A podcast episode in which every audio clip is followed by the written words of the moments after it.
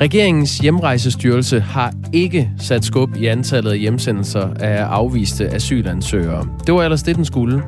For godt uh, halvandet år siden oprettede regeringen den her nye styrelse, der som øh, udlændingeminister Mathias Tesfaye udtrykte det, har den ene opgave at få sendt folk hjem, hvis de ikke har et lovligt ophold i Danmark. Men i løbet af 2021 blev der altså ikke udsendt flere afviste asylansøgere, end der blev i årene før styrelsen blev oprettet. Øh, det viser, at øh, styrelsen primært handlede om hård kommunikation fra regeringens side. som lyder det fra øh, Radikale Venstres udlændingeoverfører Katrine Oldag. Og hende kommer vi til at tale med lige om 13 minutter. Vi skal også til Ukraine her i den kommende time, fordi det er jo sammenholdsdag i dag i Ukraine. Det er noget, som øh, præsident Zelensky han har udnævnt dagen som, og vi har altså Mads Anneberg, europakorrespondent, på plads i Kiev i hovedstaden. Og vi skal også snakke om et, øh, et Facebook-opslag, som øh, Mm. lover dig, at du kan vinde i hvert fald en nøgle til en øh, autocamper, hvis du liker eller på en eller anden måde interagerer med, med det her øh, bestemte Facebook-opslag fra gruppen, der hedder RVs and Campus. Ja, det er et eksempel på et opslag, som kunne være falsk. Vi kan ikke 100% sige, at det er det, men øh, meget kunne tyde på, at det er det. Øh, der står et nyt sæt luksusnøgler til autocamper vil blive udleveret til en tilfældig person, der har delt eller liket eller kommenteret 25. feb. Det er februar. Det har 53.000 likes, 43.000 kommentarer og 116.000 delinger. Og det er altså noget, folk gerne vil have fingre i, sådan et sæt nøgler der. Vi taler med en af dem, som i hvert fald i første omgang gerne vil have fingrene i sådan et sæt nøgler. Det gør vi øh, klokken cirka 26 minutter i 8. Du kan skrive ind på 1424, øh, start beskeden med R4 og et mellemrum, hvis du vil i kontakt med os. Og så er der ellers bare tilbage at sige, at klokken er 7 minutter over 7. Godmorgen på den her onsdag fra Dagmar i Møstergaard og Jakob Grosen. Godmorgen. Flere steder i landet kæmper børnehaver med, at de unge fester og sviner på legepladserne. Et af de steder, det er i Korsør. Det er kondomer. Det er små poser med rester af stoffer, cigaretskodder, stumper af joints og glasskår i sandkassen. Det er altså nogle af de ting, som Katrine Bertelsen har fundet i børnehuset Smørblomsten i Korsør, når hun har afleveret sin treårige datter om morgenen. Det er da utrygt. Altså, det kommer vi jo ikke udenom, at det er pisse meget irriterende og utrygt at sende hende afsted, og og jeg synes også måske bare, at altså, selvfølgelig de unge må, må hjertens gerne være der, og de skal have lov til at have det sjovt, men altså ryddede de op, havde vi jo ikke nogen problemer. Pisse møg irriterende, siger Katrine Bertelsen om uh, den her situation, der opstår i smørblomsten i Korsør. Ditte Brygger Løjborg er i leder af den kriminalpræventive enhed i uh, Slagelse Kommune. Godmorgen. Godmorgen. Er du uh, enig i uh, udlægningen? Øh, altså man kan sige, at vi kender godt til de udfordringer, der er på kommunens øh, legepladser herunder også øh, smørblomsten, vil jeg sige. Hvad, hvad er din oplevelse af det her problem, som, som Katrine Bertelsen beskriver? Jamen altså, vi har øh, i alle kommuner, tror jeg, øh, udfordringer med, at unge samles på de offentlige arealer, og så øh, for det meste fester på en øh, fuldstændig almindelig ungdommelig måde. Øh, men også nogle gange så for eksempel øh, glemmer at rydde op efter sig selv. Øh, det er noget af det, altså som for eksempel mit gadeteam har meget fat i de unge omkring, når de møder dem øh, på de her pladser, hvor de mødes. Ja, hvad siger gadeteamet så til de unge? At de skal rydde op, og det er de unge sådan set også øh, indstillet på, fordi når det er sådan, at de ikke rydder op, så øh, er der jo meget kort vej til Facebook, øh, og så bliver der skrevet om dem. Vi har haft store udfordringer nu ved, ved brændende her for eksempel, øh, med nogenlunde det samme. Og så, bliver, altså, så er det ikke et rart sted at være, være for dem, fordi så kommer der jo hele tiden voksne forbi. Eller de bliver måske, for eksempel en lille by, så de bliver jo, øh, der, er, der er jo flere, der for eksempel gætter på, om hvem kan det være, øh, der sidder der. Så det er jo ikke en rar situation for dem. Så i reglen så er de jo øh, fuldstændig almindelige unge, der gerne vil øh, rydde op efter sig selv. De, de, de er indstillet på at rydde op, siger du, altså de unge, men det virker jo ikke som om, de gør det. I hvert fald så er det jo et problem fortsat i smørblomsten. Ja, altså det kan, det kan jeg jo så se, øh, det kan jeg så se på, øh, på Facebook, at det er. Øh, det har været et problem, øh, et rigtig stort problem tidligere. Vi har faktisk ikke fået nogen rapporter ind om det i den her, øh, i den her omgang, at der skulle, øh, der skulle være noget, øh, noget særligt. Øh, det har jeg tjekket lige. Øh, I går hvad der sådan var kommet ind i kommunen. Øh, så, så man kan sige, det er, øh, smørblomsten er af til et sted, hvor unge mødes. Det er en rigtig fed øh, legeplads, hvor der er nogle gode steder, man kan sidde, og derfor så er det et af de steder, hvor, hvor unge mødes i kvarter. Og problemet med rester efter fester på øh, børnenes legepladser, det er altså et problem, som flere kommuner beretter om. Det er ikke kun i Slagelse. På Frederiksberg, der bliver øh, der efterladt både glasskov, cigaretskodder, narkotika og brugte kondomer på legepladserne, viser en ny undersøgelse blandt bestyrelserne for 44 daginstitutioner på Frederiksberg Kommune. Og det har fået 75 procent af dem til at takke nej til kommunens tilbud om at åbne legepladserne i weekenden. Og de seneste år, der har der også været andre beretninger om øh, lignende, for eksempel fra Rudersdal Kommune i Nordsjælland, hvor de unge hang ud på børnehavers legepladser og i skolegårde. Øh, de fester, de sviner, og så begår de også herværk her, viser undersøgelser. Og der blev også fundet en pose piller og andre stoffer på, øh, på legepladsen. Ifølge Rudersdal, så er det særligt slemt i Holte, hvor tre børnehuse de står med, med udfordringer, og medarbejdere de må altså hver morgen tjekke legepladsen for glasgård, skodder, hash, piller, lattergaspatroner med videre. Ditte Brygger Løjborg er leder af den kriminalpræventive enhed i, øh, i Slagelse Kommune, hvor man altså også har øh, lignende øh, oplevelser af, af festsvineri på, på legepladser, på børnehaver, i børnehaver. Det, det her gadeteam, vil du ikke prøve at, at sætte et par flere ord på, hvad for en indsats de rent faktisk gør i forhold til det her problem? Altså, det, øh, de gør jo en indsats i forhold til unge. Det er jo ikke sådan en, en oprydningspatrulje. Øh, Men altså, de skaber kontakt til unge, som er i det offentlige rum. Øh, og altså hjælper de unge videre. Det er egentlig det, der er tanken med det, fordi det er jo kriminalitetsforbyggende gadeteam. Og langt de fleste unge, de møder det offentlige rum, er jo bare unge, der er i det offentlige rum, og som jo går i skole og, og øh, har det godt ellers. Men øh, det sker jo, at de møder nogen, altså som, øh, som ikke har det, og så er det ligesom deres job at have en kontakt til dem og få dem videre. Og i forhold til lige det her, så minder de bare de unge om, at øh, der, der er der skraldespanden. Tit når de er ude, øh, så øh, øh, foranstalter de lige, at når man skulle ikke lige være nu, at I kunne lige samle flaskerne sammen nu, og smide dem over, over. Og så har de jo også, øh, kan man sige, nogle lovgivningsmæssige forpligtelser omkring, at de skal underrette, og sådan, hvis der er unge, der har det skidt, så så selv, altså, det er jo ikke dem, der rydder op, øh, fordi det, det, det er jo pædagoger, der er ansat til at lave aktiviteter for øh, og kontakt øh, til unge. Og det er det, det, de laver. Katrine Bertelsen, altså mor til øh, en datter på tre, der går i øh, børnehaven Smørblomsten i Korsør, mener ikke, at ansvaret ligger hos børnehavens personale i forhold til at skulle rydde op efter de unge. Hun mener, at ansvaret ligger hos jer i Slagelse Kommune, som hun også har henvendt sig til. Og vi skal lige høre, hvad hun, øh, hun siger, at hun godt kunne tænke sig, at man gjorde fra kommunens side ved problemet. Det helt ideelle, det vil være, at de unge mennesker, de ryddede op efter sig selv, for så vil vi jo ikke have noget problem. Er der ryddet op, kan vi ikke se, at de har været der og så kan vi jo ikke, altså, så kan vi jo ikke klage over noget eller brokke os over det. Og hvis ikke de unge mennesker kan finde ud af det, så mener jeg, at det er kommunen, der burde gå ind og overtage det job. Ditte Brygger Løjborg, leder af den kriminalpræventive enhed i Slagelse Kommune. Mener du, kommunen bør, ind, bør gå ind og overtage det her job med at rydde op efter de unge? Altså, jeg kan godt forstå, at hun siger det, og det er faktisk også sådan, at kommunen også i Smørblomsten har øh, noget, der hedder ejendomsservice, som kommer forbi og, øh, øh, og tjekker områderne og rydder op et par gange om ugen. Men altså, det er jo ikke... Øh, altså, vi er jo alle sammen kommunen. Jeg er kommunen, øh, børnehaven er kommunen, og ejendomsservice er kommunen, og vi har jo forskellige opgaver ind i det. Det er jo øh, primært de unges ansvar at rydde op efter sig selv, og hvis de unge er under 18, så er det også deres forældres øh, ansvar, at hvis deres unge bruger kommunens offentlige arealer, at så gør de det på en hensigtsmæssig måde. Men de der Brygger Løjborg, er det, er det ikke stadig jeres ansvar? Der, der sker jo ikke noget. Altså, der er jo et, øh, et dokumenteret problem her. Så hvad vil I gøre ved det?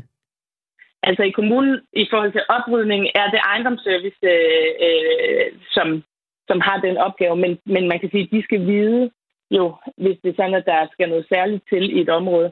Og det har jeg tjekket går, det har de faktisk ikke... Øh, de har ikke fået nogen meldinger ind om, der var, at der var noget særligt der nu. Det har der været tidligere, hvor de så laver en særlig indsats. Så vi har jo, altså ligesom børnehaven er en del af kommunen, der har opgaven til at passe børn, og vi har en opgave i forhold til at lave opsyn arbejde i, de, øh, i forhold til de unge. Så er der jo også en afdeling i kommunen, der har øh, ansvar med at holde kommunens arealer. Men vil det så sige, at nu hvor I er blevet gjort opmærksom på problemet, så kommer I til at gøre noget ved det?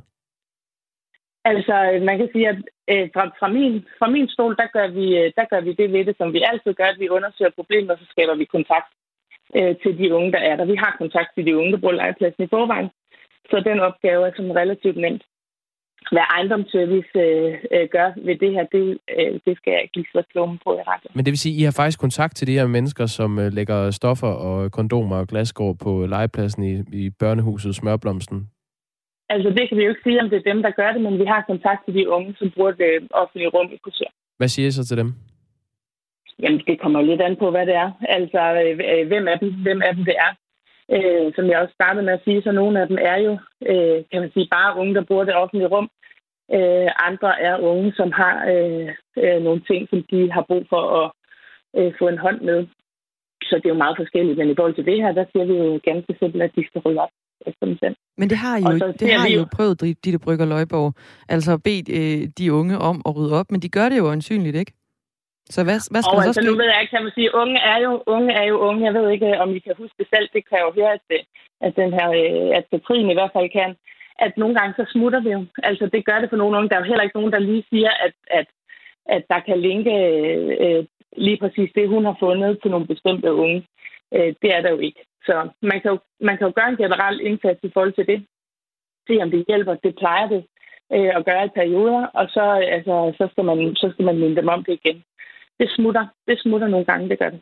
Altså, det smutter næsten dagligt, øh, af det, vi hører fra, fra den her mor. Øhm, du får lige, nu, nu hvor I, I taler med dem, og, og det ligesom er den strategi, I har lagt, og det ikke rigtig har haft nogen effekt, så får I lige nogle øh, idéer her fra, øh, fra vores lyttere, som skriver ind, mens vi taler med dig. Katarina Fodense skriver, hvorfor ikke bare sætte skilte op, hvorpå der står, at der er overvågningskameraer på legepladsen. Om der er kamera eller ej, er ikke så vigtigt. Skilte skulle være nok til, at de unge tænker sig om. Ja, altså det er altid en udfordring eller øh, en overvejelse, som, øh, som de har i en helt tredje afdeling øh, i kommunen omkring sådan noget med, om der skal overvågning op. Det er et meget stort, øh, det er et meget stort område. Og skiltning, kan man sige, plejer ikke at have den, øh, altså den ønskede effekt i forhold til unge. Øh, så kan de jo sætte sig ind i et legehus eller noget. Nu har de jo ikke været på legepladsen, men den har mange gode kroge og hjørner. Øh, og så er jeg faktisk ikke enig i, at det er et problem, som er der hver dag. I hvert fald så, kan man sige, har, har hverken politiet fået nogle anmeldelser øh, fra nogen. Øh, vores skadeteam har heller ikke registreret det hver dag. Øh, det er meget mere om sommeren, at det er en udfordring. Og så har ejendomsservice, som jeg har, øh, som jeg har talt med i går, de har faktisk heller ikke fået noget ind om, at der skulle være noget særligt. Så man kan sige, det er jo også lidt svært at gøre noget ved, hvis det er en udfordring, der er hver dag. Øh, så havde det jo været federe ikke at læse om det på Facebook. Ditte Brygger Løjborg, øh, leder af den kriminalpræventive enhed i Slagelse Kommune. Vi taler altså med dig, fordi der er udfordringer med, at der ligger øh, rester efter fester på øh, børnehavelegepladser. Det er blandt andet jointskodder, det er glasgård i sandkasserne, det er kondomer på legepladserne. Jeg skal simpelthen forstå her, hvor er det ansvaret ligger for, at der bliver ryddet op efter de her ungdomsfester? Jamen, ansvaret ligger jo øh, altså for, at de unge... Det, jeg kunne også høre, at I havde en lytter tidligere, som havde skrevet ind, at det er de for, forældrenes ansvar, at deres unge opfører sig ordentligt. Det er det. Hvis de ikke gør det, så ligger ansvaret hos øh, kommunens ejendomsservice. Så kommunen, kommunens ejendomsservice skal sørge for at rydde op på børnehavens legeplads? Hvis det er sådan, at der er brug for en særlig, øh, altså noget særligt, de er der i forvejen et par gange om ugen øh, hvor de jo fejrer og, og rydder op. Det er et kæmpe område. Det er jo ikke kun børnehavens lege, legeplads. Det hører også til ungdomsklubben. Øh, så det er et meget stort område. Ditte Brygger Løjborg, du må, du må altså lige rette mig, hvis jeg tager fejl nu, men det, det lyder lidt som om, når vi taler med dig, at du egentlig ikke helt anerkender, at der er et problem. Nej, jeg anerkender, jeg anerkender, at der er et problem. Men for eksempel vores ejendomsservice, hvis det, hvis det flyder med kondomer og stoffer, så er der nogen, der skal ringe, med dem, ringe til dem og sige det hvis det flyder med ulovlige ting, så er der nogen, der skal ringe til, til politiet og sige det. Det ville mine medarbejdere gøre, hvis der sådan, de observerede det, øh, og det har de ikke gjort. Øh, jeg anerkender til fulde, fordi jeg har også kunne se billederne, at hun har fundet det, hun har fundet. Og det er da i hvert fald Jans og en brudt, øh, brudt kondompakke. Øh, så det er der, der i hvert fald øh, øh, på legepladsen, og selvfølgelig skal det ryddes op. Så Ditte Brygger Løjborg, det jeg skal høre dig sige her, eller det jeg hører dig sige her, det er, at så kan forældre, som finder for eksempel joint skodder og brugte kondomer på legepladsen, eller børnehavepersonalet, ringe til ejendomsservice, og så kommer der nogen og øh, sørger for at rydde op efter de unge, hvis ikke de gør det selv? Altså, øh, øh jeg vil tænke egentlig, at det var lederen af børnehaven. Det jeg har selv også øh, øh, nogle institutioner under mig, der vil jeg selv ringe til ejendomsservice, hvis det sådan var ud over altså det almindelige øh, oprydning, som jeg, som jeg tog selv. Ditte Brygger Løjborg, du skal have tak, fordi du var med her i Radio 4 morgen. Det var lidt. leder af den kriminalpræventive enhed i Slagelse Kommune. Skilsmissen på Radio 4. Far kan en mor og en far godt være kærester. Fuck, mand, ikke? Altså... Hvert andet ægteskab i Danmark går i stykker. Og hvem er man bagefter? Vi taler med 10 kendte danskere om ensomhed, splittede venskaber og om at tage børnene med i faldet. Skiftedag, det er noget fanden har skabt. Find Skilsmissen som podcast og søndag kl. 11.05 her på Radio 4. Det var det helvede for mig. Radio 4 taler med Danmark. Regeringens hjemrejsestyrelse har ikke sat skub i antallet af hjemsendelser af afviste asylansøgere, og det skal vi ombord i nu. I august 2020 oprettede regeringen ellers en helt ny styrelse, altså hjemrejsestyrelsen, der øh, som Mathias Tesfaye, landets udlændingeminister, formulerede det, har den ene opgave at få sendt folk hjem, hvis de ikke har et lovligt ophold i Danmark. Styrelsen overtog nogle opgaver fra politiet, Udlændingestyrelsen og Dansk Flygtningehjælp. Og i løbet af sidste år blev der altså ikke udsendt flere afviste asylansøgere, end der gjorde i årene før styrelsen blev oprettet. Faktisk blev der hjemsendt færre, når man øh, sammenligner med, hvor mange der var i udsendelsesposition, som det hedder. Men det er antallet af personer i udsendelsesposition, der er det vigtige, det siger udlændinge- og integrationsminister Mathias Tesfaye. Og for første gang siden 2011 er det tal på under 900. Altså der er 900 øh, under 900 personer i udsendelsesposition. Og selvom øh, det ikke skyldes øh, flere hjemsendelser, men i stedet at der generelt er kommet færre øh, asylansøgere til, og at en gruppe selv har forladt Danmark, så er hjemrejsestyrelsen en succes, mener Mathias Tesfaye. Det, der er det interessante, er jo øh, både for mig, men jo også for det danske samfund, er, hvor mange udlændinge har vi? Vi skal have indkvarteret på udrejsecentre øh, til en pris på 300.000 kroner om året, og som er i udsendelsesposition. Det er det interessante tal, og det er den øh, aftale, vi har lavet med direktøren for Hjemrejsestyrelsen, at det tal, det skal falde. Og det, øh, det går, må vi sige, øh, ret godt, fordi vi er for første gang under 900, vi er nede på omkring 800 udlændinge i udsendelsesposition. Det er også i en europæisk sammenhæng ret godt. Men jeg glæder mig da til, at øh, der er flere øh, både charter og, og kommersielle fly i luften, øh, fordi så betyder det også, at vi kan få, få styrket hjemrejsearbejdet endnu mere. Det siger altså øh, Mathias Tesfaye, landets øh, udlændinge- og integrationsminister fra Socialdemokratiet. Katrine Oldag er udlændinge- og integrationsordfører for støttepartiet Radikale Venstre, og nu med her i programmet. Godmorgen. Godmorgen. Øh, mener du, at øh, hjemrejsestyrelsen har været en succes? Altså, hjemrejsestyrelsen, kan man sige, øh, gør ikke rigtig hverken fra eller til, fordi som du også så fint gennemgik, så samler man jo øh, en del opgaver, som har været, øh, det er jo ikke fordi, vi ikke har taget os af de her opgaver før, de har bare ligget forskellige steder, og så samler man dem, og giver man dem et fint navn og et skilt, øh, og, så, øh, og så signalerer vi dermed, at vi har mere øh, fod under øh, hjemrejseopgaverne. Øh, men reelt, så kan man jo også sige, at øh, det som jo Tisfaye han peger på her, nemlig det, det forhold, at der nu er flere eller færre i øh, hjemrejseposition ude i centrene, det handler jo også om noget som det, som han ikke lige får sagt, nemlig at der er en hel del mennesker, som bare forsvinder fra centrene. Altså hvor vi, øh, når de så har deres meldepligt, lige pludselig så kan man ikke finde dem længere, de kommer ikke til deres meldepligt, de er ikke på deres værelse osv. Øh, og når de så har været væk tilstrækkeligt længe, så bliver de så registreret som værende udrejst af Danmark. Og det er så i øh, regeringens optik en, øh, en succes. Men for mig at se, der handler det jo egentlig bare om at, øh, at sende problemet videre til vores øh, nabolande. Det er jo ikke en måde, man, man løser en global flygtningekonflikt på. Det er en måde, hvorpå man bare sender problemet videre til naboen. Så, øh, så man kan sige, alt efter hvad formålet er, hvis det er færre mennesker på udrejsecentrene, øh, jamen øh, så går det sådan set den rigtige vej. Jeg er bare ikke helt sikker på, at det har noget som helst med hjemrejsestyrelsen at gøre. Hvad mener du om, at andelen af afviste asylansøgere, der er blevet sendt hjem, ikke er steget, efter hjemrejsestyrelsen er blevet oprettet? Jamen, det siger, jo, øh, det siger jo bare noget om, at øh, opgaven er enormt kompleks, og det, som er nøglen til at få læst, øh, løst opgaven, det er, at vi får nogle øh, diplomatiske aftaler med de lande, som de øh, udrejste eller de hjemsendte, de kommer fra.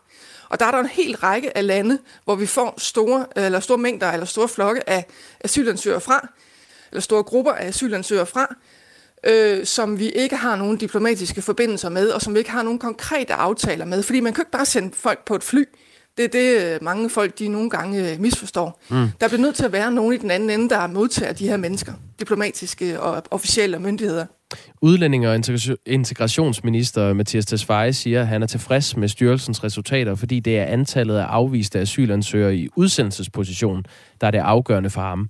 Og for første gang siden 2011 er det tal altså på under 900. Og det skyldes dels, at der er kommet færre asylansøgere til, og at en gruppe selv har forladt Danmark. Men øh, når man ser på det tal, så har Hjemrejsestyrelsen øh, altså ikke gjort en forskel, eller hvad? Øh, nej, det, det, altså det, er ikke, det er nok ikke Hjemrejsestyrelsens eksistens, øh, der gør hverken fejl, fra eller til i den sammenhæng. Øh, Tesfaye siger det jo også selv, at det jo øh, primært faktisk handler om, at vi har langt færre asylansøgere øh, som sådan, der kommer til Danmark. Så øh, det, der virkelig batter, det er nok de store internationale aftaler, vi har på området, øh, at vi øh, dæmmer op på Europas øh, ydre grænser. Men altså, det skal også være vigtigt at sige, at vi er jo også interesserede i radikale venstre, at folk bliver sendt hjem, når de ikke har et opholdsgrundlag i Danmark. Så vi anerkender fuldstændig, at der er en opgave, og den er kompleks, men den bliver bare ikke øh, hvad skal man sige, det er bare ikke hjemrejsestyrelsen, øh, der gør det helt store forskel. Det er aftaler med, med hjemlandene, med de lande, som folk de kommer fra. Katrine Oldag er altså udlændinger og integrationsordfører for Radikale Venstre. Jeg kommer lige med en smule fakta om det her. I løbet af 2021, altså hele sidste år, blev der udsendt omkring 250 afviste asylansøgere. Året før styrelsen blev oprettet, altså i øh, 2019, blev der udsendt omkring 450. Der blev altså udsendt flere øh, tidligere, når man kigger på antal. Men der blev også udsendt flere før hjemrejsestyrelsen, når man sammenligner med, hvor mange der var i udsendelsesposition. Skiftende regeringer har jo gennem årene forsøgt med forskellige tiltag at få afviste asylansøgere til at rejse hjem, enten frivilligt eller ved at udsende dem med tvang. Øh, der er dog en række lande, som Danmark ikke har udsendelsesaftaler med, fordi landene ikke vil modtage personer, der bliver sendt afsted med tvang. Det gælder for eksempel et land som Iran. Øh, Katrine Oldag, havde du regnet med, at det her det vil være mere symbolsk end reelt, da man oprettede en styrelse, som hedder Hjemrejsestyrelsen? Øh, ja, fordi hvis de var kommet og sagt, nu har vi fået en aftale med Iran for eksempel, ikke? så havde man øh, kunnet begynde at øh, for alvor se det øh, på øh, udrejsecentrene og på, øh, øh, på statistikkerne. Så, så for mig at se, eller for os at se, der er det jo bare det her med, at du samler den og den og den medarbejder, der har siddet henholdsvis måske øh, hos Flygtningehjælpen, og så er de siddet hos politiet og i Udlændingsstyrelsen, samler dem på et kontor, kalder det for Hjemrejsestyrelsen, og så er, det så, så er det så signaleret til den samlede befolkning, at nu gør vi virkelig noget ved det her hjemrejse. Man har gjort lige så meget ved hjemrejse, og ovenikøbet siger du nu med større held, øh, før, øh, end man, før man havde hjemrejsestyrelsen. Men vi har også, og, øh, efter hjemrejsestyrelsen er blevet oprettet, har der jo været corona globalt set i, øh, i to år. Øh, skal man ikke lige vente til styrelsen lige har fået lov til at, at komme i gang, før man kan sige, om det gør en forskel for antallet af hjemsendelser eller ej? Jo, altså, jeg vil gerne øh, medgive, at der kan være alle mulige. Corona kan være, øh, er jo som regel et af de øh, hvad skal man sige, forklaringer, vi griber til alle mulige statistiske udsving i, i øjeblikket, øh, og det kan sagtens være, at det spiller ind. Men altså, vi kan godt prøve at snakkes ved om et års tid eller to, øh, og så se om ikke det, der i virkeligheden batter, det er, hvis du får nogle diplomatiske, øh, hvis vi får nogle diplomatiske aftaler med de her hjemrejselande. Det skal lige siges her, at I i Radikale Venstre jo aldrig har været for, at man skulle oprette en ny øh, hjemrejsestyrelse. Øh, bare lige sådan helt kort svar. K- kunne du forestille dig, at du nogensinde ville have tænkt, at det her det ville være en succes? Øh, nej. Tak skal du have, Katrine Oldag. Ja, det var fint kort. tak fordi du var med. Det er godt øh, udlændinge- og integrationsordfører for Radikale Venstre. Vi har øh, talt med udlændinge- og integrationsminister Mathias Tesfaye fra Socialdemokratiet om øh, den her sag, og det interview kan du høre klokken øh, lidt over halv ni. Vi har også forsøgt at få et interview med Hjemrejsestyrelsens direktør Klaas Nilas, men det har altså ikke været muligt. I en pressemeddelelse fra i går, der udtaler han dog, Hjemrejsestyrelsen blev oprettet midt under coronapandemien for en styrelse, der blandt andet har til formål at få afviste asylansøgere til at rejse hjem, har det naturligvis været en udfordring, at der generelt har været meget få fly i luften, ligesom vi har skulle håndtere omfattende indrejserestriktioner i mange lande. Men jeg synes alligevel, vi er kommet godt i gang, sådan lyder det altså fra Klaas Nilas, der er Hjemrejsestyrelsens direktør. Du kan som sagt høre vores interview med Mathias Tesfaye, og det bliver klokken øh, præcis 8.34. Lige nu er klokken blevet halv 8. Du skal have et nyhedsoverblik med Thomas Sand.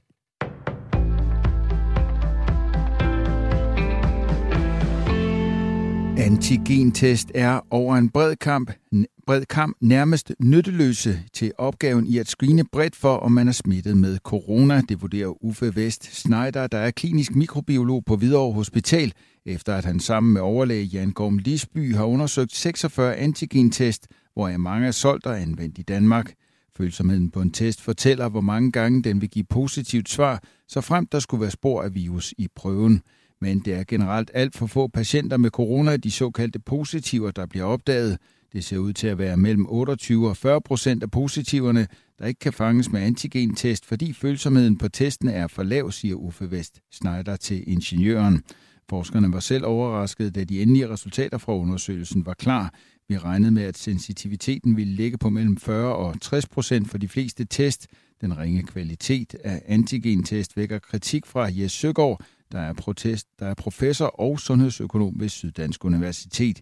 Det kan virke hovedløst, at vi har købt medicinsk udstyr, uden at kende til kvaliteten på produkterne.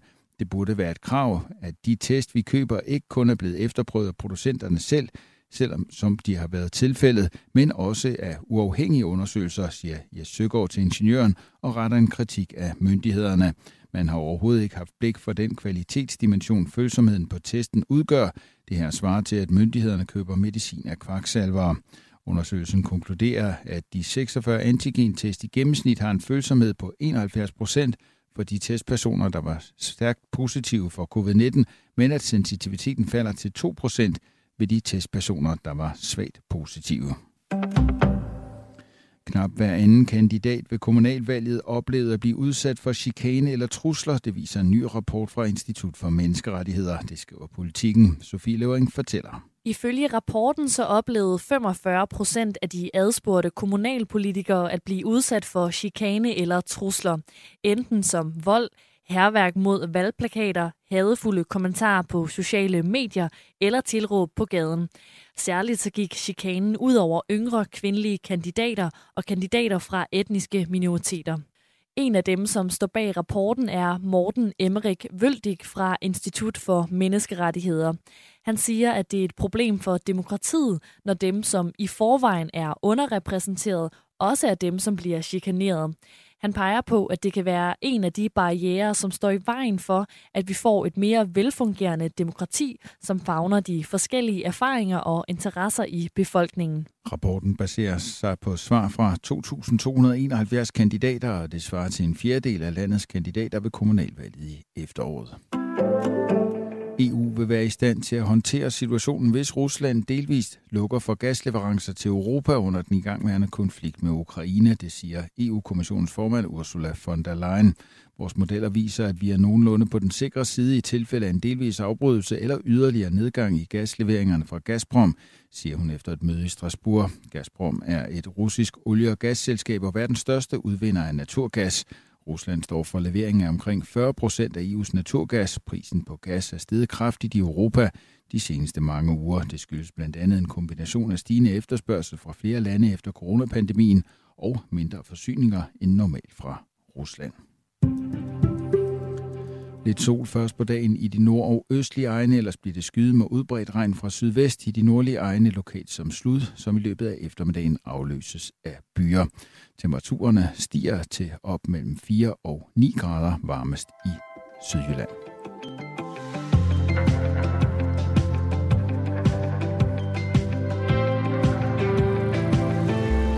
God morgen, 7.34, siger øh, klokken her i Danmark. Radioen siger øh, Radio 4 morgen, og det er Dagmar i Møstegård og Jakob Grosen, der har den fornøjelse at beværte det her program for dig. Som er usædvanlig morgenfrisk, hvor er det skønt altså. Ja, ja. Har du fået kaffe i koppen? Ja, jeg er ude at en kop mere. det er godt. Strålende. Øh, det kan virke som en harmløs konkurrence på sociale medier. Og det er det, vi skal tale om nu. Det er det her med, når der er nogen, der øh, for eksempel udlodder forskellige luksuriøse varer. Vi har fundet et eksempel frem. Et nyt sæt luksusnøgler til autocamper vil blive udleveret til en tilfældig person, der har delt, skråstreg, liket, skråstreg, kommenteret 25 februar. Sådan lyder et øh, Facebook-opslag altså fra en øh, gruppe, der hedder RV's and Campers på Facebook. Der vil give en øh, tilfældig, en gratis autocamper, hvis de reagerer på opslaget, eller i hvert fald en, en nøgle dertil. Det er jo et sæt øh, luksusnøgler, der bliver udløjet. Og så er der altså et Mm. billede nedenunder af den her autocamper, der øh, angiveligt skal blive øh, udløjet. Men selvom du øh, skriver overfladiske kommentarer øh, om, at du gerne for eksempel vil øh, have den her autocamper, og du vil gerne på ferie, så kan det altså have nogle øh, konsekvenser. Den her gruppe, RV's and Campers, den har ingen kontaktoplysninger. Den har heller ikke øh, nogen hjemmeside, og der er heller ikke nogen dokumentation for, at, øh, at øh, øh den findes. Hverken autocamperen eller RV's and Campers som virksomhed. Alligevel så har mange tusind mennesker altså reageret på det seneste opslag i øh, gruppen. Og selvom det kan virke harmløst jo, som jeg indledte med, og ønsker sig en autocamper på Facebook, så kan du altså være med til at lede potentielle svindlere i din retning. Det fortæller ekspert i sociale medier på Roskilde Universitet, Mads Kemsgaard Eberholdt. Eberholst. Lad os lege med tanken om, at øh, de her 47.000 mennesker, de, de, øh, dem kan vi bruge til noget øh, på et senere tidspunkt. For eksempel så kan vi lave en Facebook-side, hvor vi rigtig gerne vil have dem til at, at, at like. Så kan vi skrive for vores gamle side. Eller, som rigtig mange af de her øh, firmaer nok vælger at gøre, det er, så ændrer man stille og roligt navn på siden. Sådan så, at Arvisen Campers lige pludselig er blevet til et helt andet selskab, der nu har 47.000 følgere på Facebook øh, lige fra starten. En af dem, der delte det her opslag på sin egen profil, og som også skrev en kommentar til opslaget, det er Cecilie Lorentzen. Godmorgen. Godmorgen.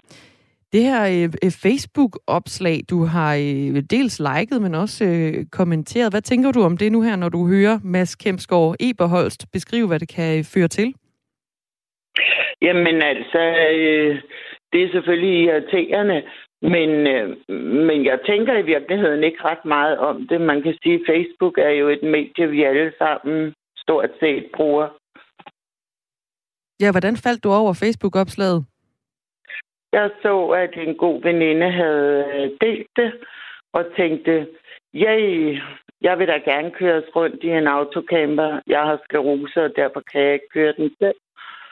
Så, øh, så det var egentlig min første tanke. Det kunne da være helt vildt dejligt. Mm. Nu står der jo i det her øh, opslag, at øh, der udlådes et sæt luksusnøgler til en øh, autocamper, vil blive udleveret til en tilfældig person, der har delt, skråstreg liket, skråstreg kommenteret den 25. februar. Der står ikke noget om, at du faktisk får en, øh, en, en autocamper. Der står, at du får et, et sæt luksusnøgler til en autocamper. Stussede du over det? vil ikke gerne have et stykke øh, luksusnøgler? Og så skidt med autocamperen. Nej, selvfølgelig er det et eller andet sted, så bilder man sig ind, at det er det, man får.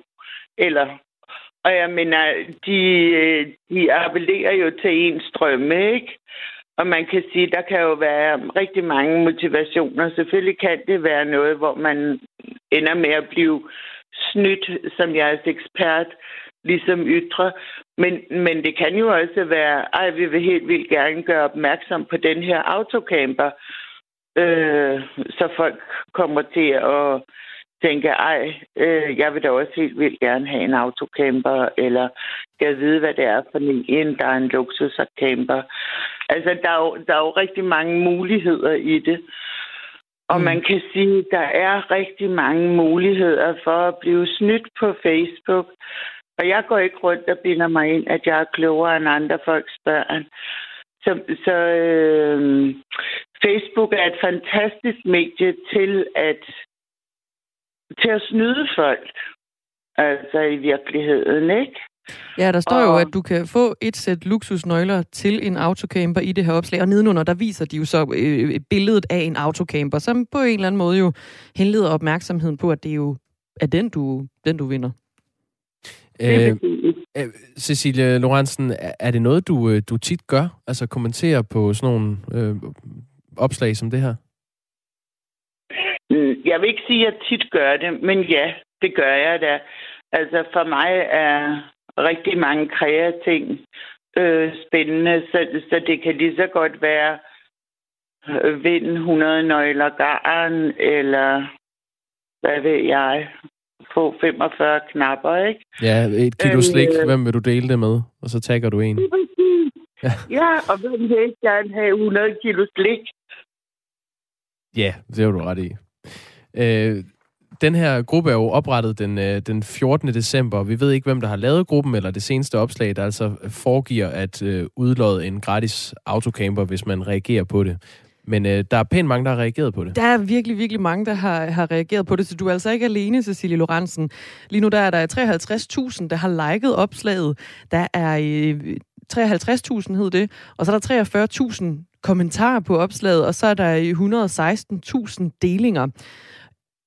Og det er jo meningen, at man så kan vinde den her øh, nøgle, luksusnøgle til en autocamper, øh, hvis man altså har enten øh, på en eller anden måde interageret med opslaget inden den øh, 25. Øh, februar. Og vi ved ikke, hvem der har lavet opslaget, vi ved ikke, hvem der har lavet gruppen, øh, eller det seneste opslag, og det, som foregiver at, udlåde den her i autocamper, mm. øh, hvis, hvis man altså reagerer på det. Cecilie Lorentzen, hvorfor, hvorfor var det svært at se forskel på, om det var sandt eller falsk, det her opslag? Altså, jeg er nødt til at sige, at det forholdt jeg mig overhovedet ikke til. Øh, jeg både kommenterede det, og jeg delte det. Jeg er så så heldig, at jeg har en søn, der læser til datamatiker, og som bliver færdig her til sommer. Så, øh, så efter jeg havde delt det, så gik der en lille time, og så skrev han til mig, mor, det er et fake opslag. Og så valgte jeg at gå ind og slette min deling, fordi det er ligesom det, jeg kan. Det vil sige, så jeg ikke yderligere var med til at lave en spredning. Kom det bag på dig? Øh, Meldingen fra din søn? Nej, jeg griner og okay. tænkte, ja, selvfølgelig er det det. Altså, og ja, selvfølgelig er jeg en idiot, ligesom så mange andre, ikke? Eller en idiot. Men selvfølgelig tjekker jeg det ikke. Jeg går ikke ind og ser, ej, hvornår er det lagt op, eller hvornår er det her sted etableret.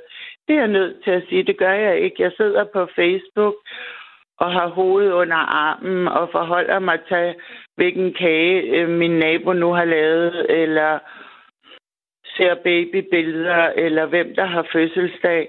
Og ja, så dukker der så nogle ting op. Mm. Og man kan sige, at Twitter og Facebook og andre medier er jo geniale til at, nu siger jeg i citationstegn i hvert fald, snyde folk. Ikke?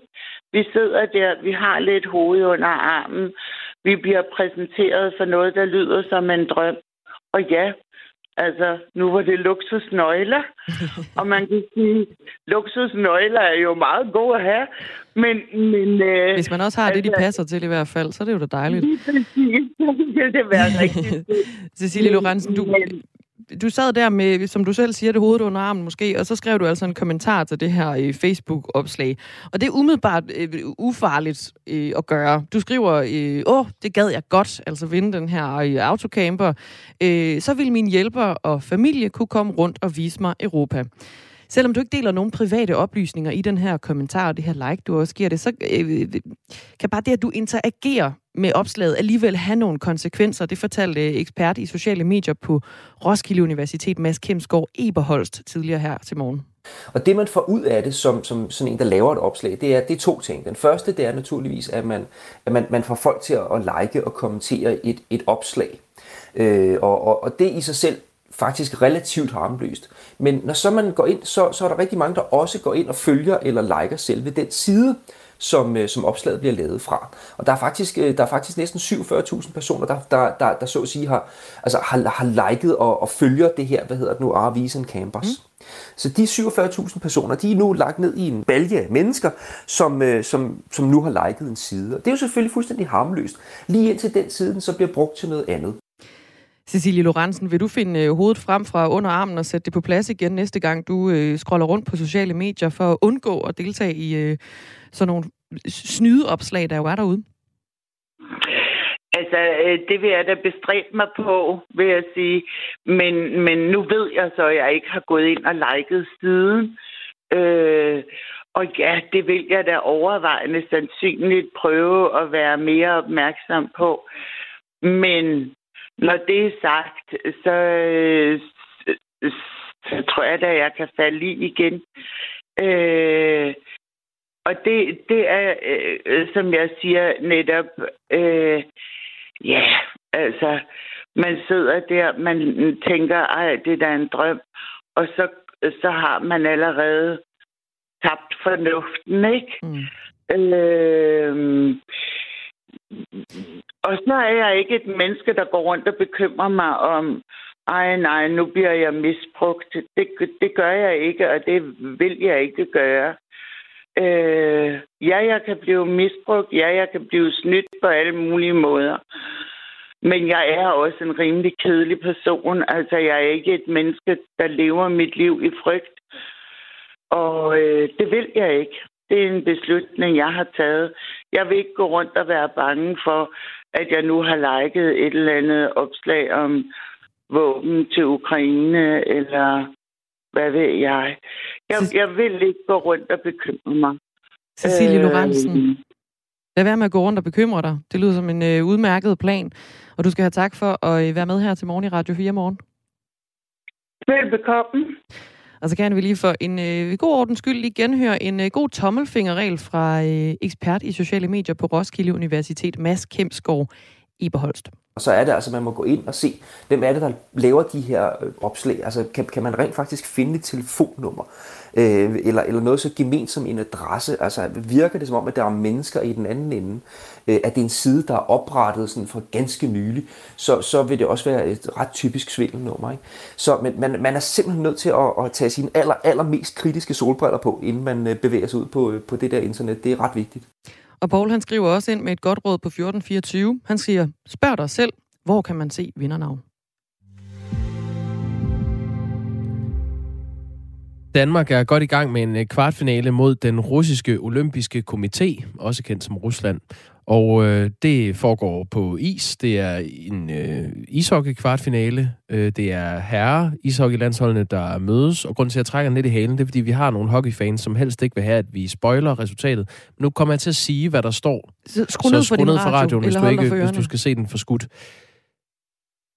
Danmark er bagud 1-0 efter første periode, men der er stadig to perioder tilbage, øh, så alt kan ske, så længe isen er glat. Og vi skal nok øh, vende tilbage, når der sker noget nyt med en opdatering. Det er en form for, for dong øh, hockey, vi giver her i øh, en service, vi giver i Radio 4 morgen i dag.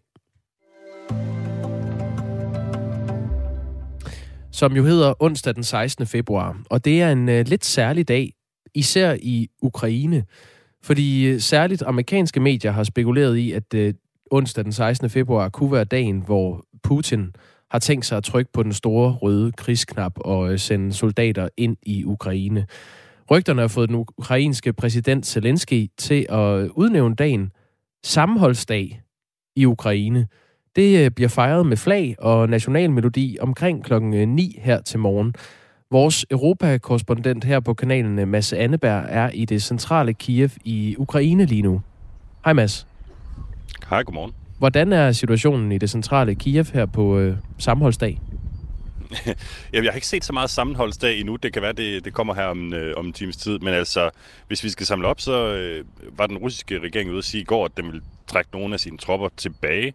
Men det har man ikke rigtig set endnu, og ifølge den amerikanske præsident Joe Biden, så er en invasion stadig en klar mulighed, siger han. Og man kan sige, så er vi jo, så er vi jo lige vidt.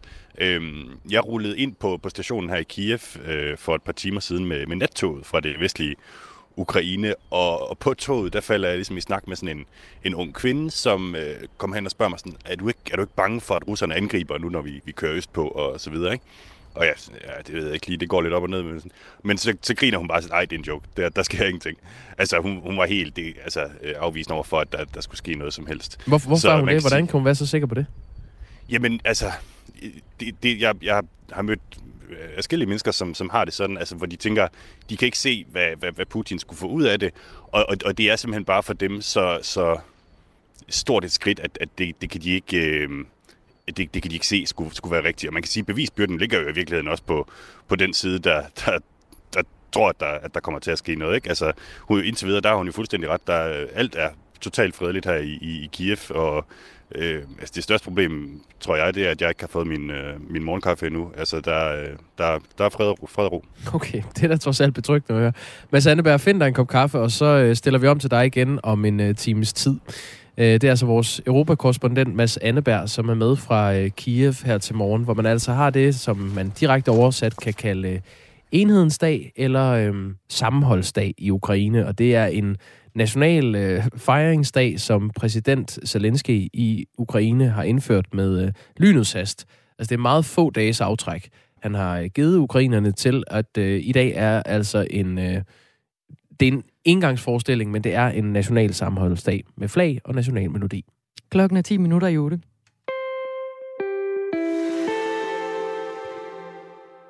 Den 61-årige britiske prins Andrew, han har indgået forlig med kvinden, der hedder Virginia Giuffre, der har anklaget ham for seksuelt misbrug og overgreb. Det viser en retsafgørelse ifølge nyhedsbyråerne AFP og Reuters. Prins Andrew han slipper altså dermed for at skulle igennem en retssag. Og det kan han formentlig være godt tilfreds med, siger international korrespondent for BT, Jakob Illeborg, til Aftenradio her på Radio 4. Øh, han vælger at gå med til det, fordi der ikke rigtig er andre muligheder for ham. Altså alternativet vil være en øh, for kongehuset forfærdelig ydmygende retssag i øh, New York, hvor øh, hele verdenspressens øh, blinkende lygter og lamper ville øh, skinne på øh, prinsen, der i forvejen jo har været øh, en masse ydmygende igennem. Øh, og, og det vil sige, at det her det var simpelthen det mindste af to under. Det andet var øh, nærmest utænkeligt. Og det overraskende i det her for mig er, at vi skulle så langt hen, før at et forlig blev, blev, blev til virkelighed. Fordi det har hele tiden ligget i luften, at det kunne blive, at det lå som en mulighed, men Andrew og hans hold har jo altså ment, at de ville være i stand til at rense ham. Det må man sige, de så fejl den britiske prins er blevet lagt på is af det britiske kongehus, og han har mistet alle sine militære titler og øh, protektorroller på grund af den her sag. Men selvom han nu undgår en tur i retten, så er hans navn altså ikke renset nok til, at han får titlerne tilbage, siger Jakob Illeborg.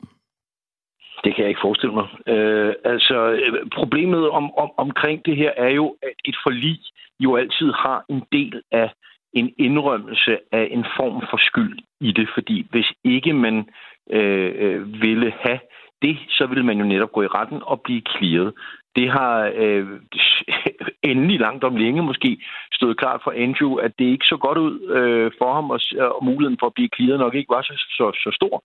Øh, og derfor er det her så også en en, øh, en en eller anden form for anerkendelse af, at han har gjort noget, han nok ikke skulle gøre. Det er ikke specifikt, hvad det er, men i den øh, skrivelse, han øh, har skrevet under på, og som er blevet sendt ud, der siger han jo, at han vil gå aktivt ind i arbejde for øh, at bekæmpe pædofili, øh, at han er rigtig ked af, at han har været gode venner med Jeffrey Epstein, som er den nu afdøde øh, pædofilidømte øh, øh, mand i den her sag. Øh, og, og at han i øvrigt også anerkender, at der er nogle ting, der nok ikke var så de, som de skulle være. Så, det, altså, så, så nej, det var et langt svar, men, men jeg kan ikke forestille mig, at han nu bliver inviteret ind i varmen i, i det britiske kongehus. Nej, der er altså ikke øh, rigtig udsigt til åbne arme i det britiske kongehus for, for prins Andrew.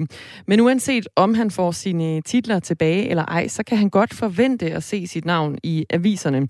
Jakob Illeborg regner ikke med, at sagen her den går i glemslen lige forløbigt han kan overhovedet ikke regne med, at der ikke bliver talt mere om det, fordi der kan sagtens dukke alle mulige nye detaljer, ikke fra Jufra, men på nogle af de andre ofre, eller påståede ofre i sagen op. Øh, og, og vi ved jo blandt andet, at øh, i forbindelse med Ghislaine Maxwell-sagen, øh, der var det, der startede som et civilt søgsmål, øh, endte så med at være et kriminelt søgsmål. Øh, det her er jo altså et civilt søgsmål.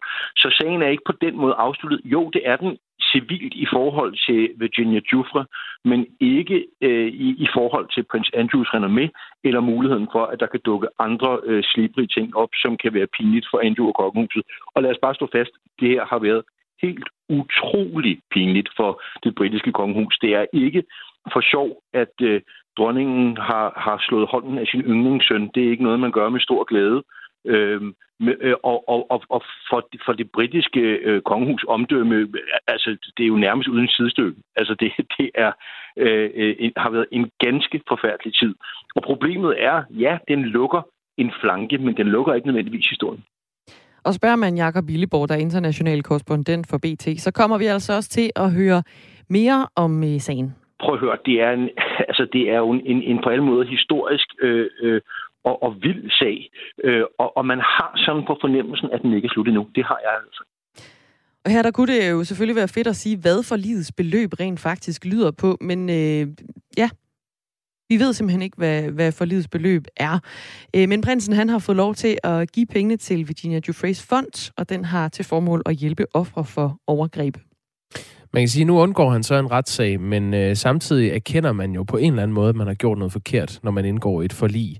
Og øh, det her, det bygger jo om på en øh, lang sag. Altså det er, og det er rimelig øh, velbeskrevet, hvad der er foregået. I hvert fald, hvad Virginia Giuffre oplevede, at der foregik. Hun øh, beskrev den her pågældende aften i detaljer, øh, hvor hun angiveligt skulle være blevet øh, seksuelt misbrugt af Prince Andrew.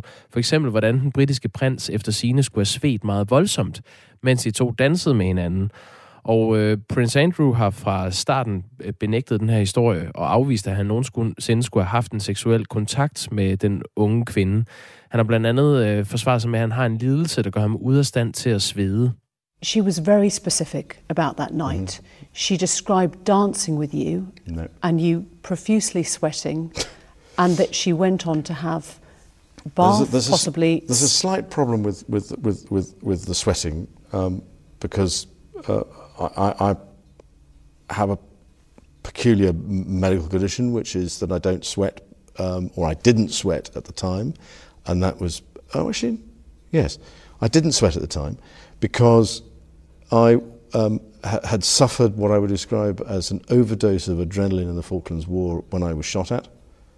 Uh, and I simply it, it, was it was it was almost impossible for me to, to, to sweat, and it's only because I have done a number of things in the recent past that I'm starting to be able to do that again. So I'm afraid to say that, that, that, that there's a medical condition that says that I didn't do it, so therefore...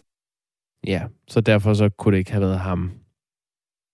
Det var altså fordi, at han var blevet beskudt i Falklandskrigen, og det havde han fået PTSD af, og derfor så kunne han ikke svede. Det er en medicinsk øh, lidelse, siger han. Ja, altså at man simpelthen oplever en overdosis af adrenalin øh, i den her, det her tilfælde, fordi han blev beskudt, og derfor har han så ikke kunne svede i den periode, hvor han øh, angiveligt svedte.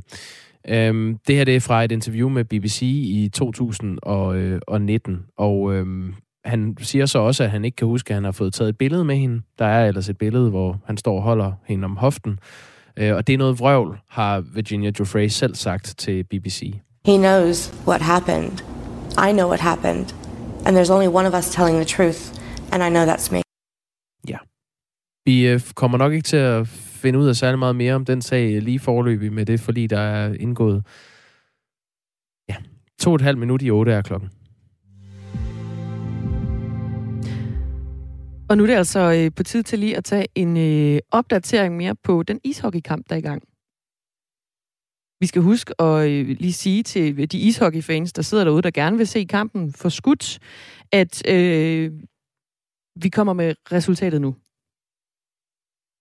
Det står 1-1, og det er til Dan- Danmark. Danmark har udlignet først, så stod det 1-1, nej 1-0 hedder det til, øh, til Rusland, som Danmark spiller imod lige nu i kvartfinalen i ishockey ved OL. Det stod 1-0 til Rusland. Danmark har udlignet nu, så det altså står 1-1 i den her ishockeykamp. Der er 13,5 minut tilbage af anden periode, og øh, man spiller tre perioder i en ishockeykamp, så der er stadig en del tid at løbe på. Danmark tabte jo 2-0 til den russiske olympiske komité AKA Rusland i den første kamp. Så øh, allerede nu går det bedre. Allerede nu går det bedre, fordi i går der vandt vi jo nemlig over Letland 3-2. Det er skide godt. Simpelthen. Ja. Skide godt, Danmark. Det er jo dejligt historisk. Det er første gang, vi har et ishockeylandshold med, eller et ishockeyhold med så langt i, øh, i OL, og vist overhovedet faktisk. Klokken er et minut i 8, og vi kan lige nå en hurtig diskussion. Okay. Ikke, det er ikke os, der skal diskutere det, Dagmar. Men øh, der er to stormlavtryk på vej mod Danmark, som forventes at ramme øh, landet henholdsvis i morgen og på lørdag. Og Englands nationale vejrtjeneste Met Office har døbt stormene henholdsvis Dudley og Eunice. E-U-N-I-C-E, Eunice. Men sidstnævnte får måske ikke øh, lov til at beholde sit navn, hvis den rammer Danmark. Øh, I hvert fald ikke, hvis det står til DMI. Det er simpelthen for svært øh, at sige Eunice på, på, hvis man er dansker, skal man forstå. Hvis man skal tro Ole Christensen, som er sektionsleder hos DMI. Han siger, at udtalen af navnet vil være så forskelligt på de nordiske sprog, og endda også i de enkelte lande, at det kan medføre misforståelser. Og det mener meteorolog ved TV2-været Jens Ringgaard Christensen øh, er en en ærgerlig beslutning, fordi det gør formidlingen nemmere, når man nu allerede har kaldt den her storm, der kommer fra Eunice i fjernsynet, at man så fastholder, at den hedder Eunice. Så her kommer lige en uh, how to pronounce. Eunice. Eunice. Så er du opdateret, hvis du skal kalde stormen noget. Klokken er 8.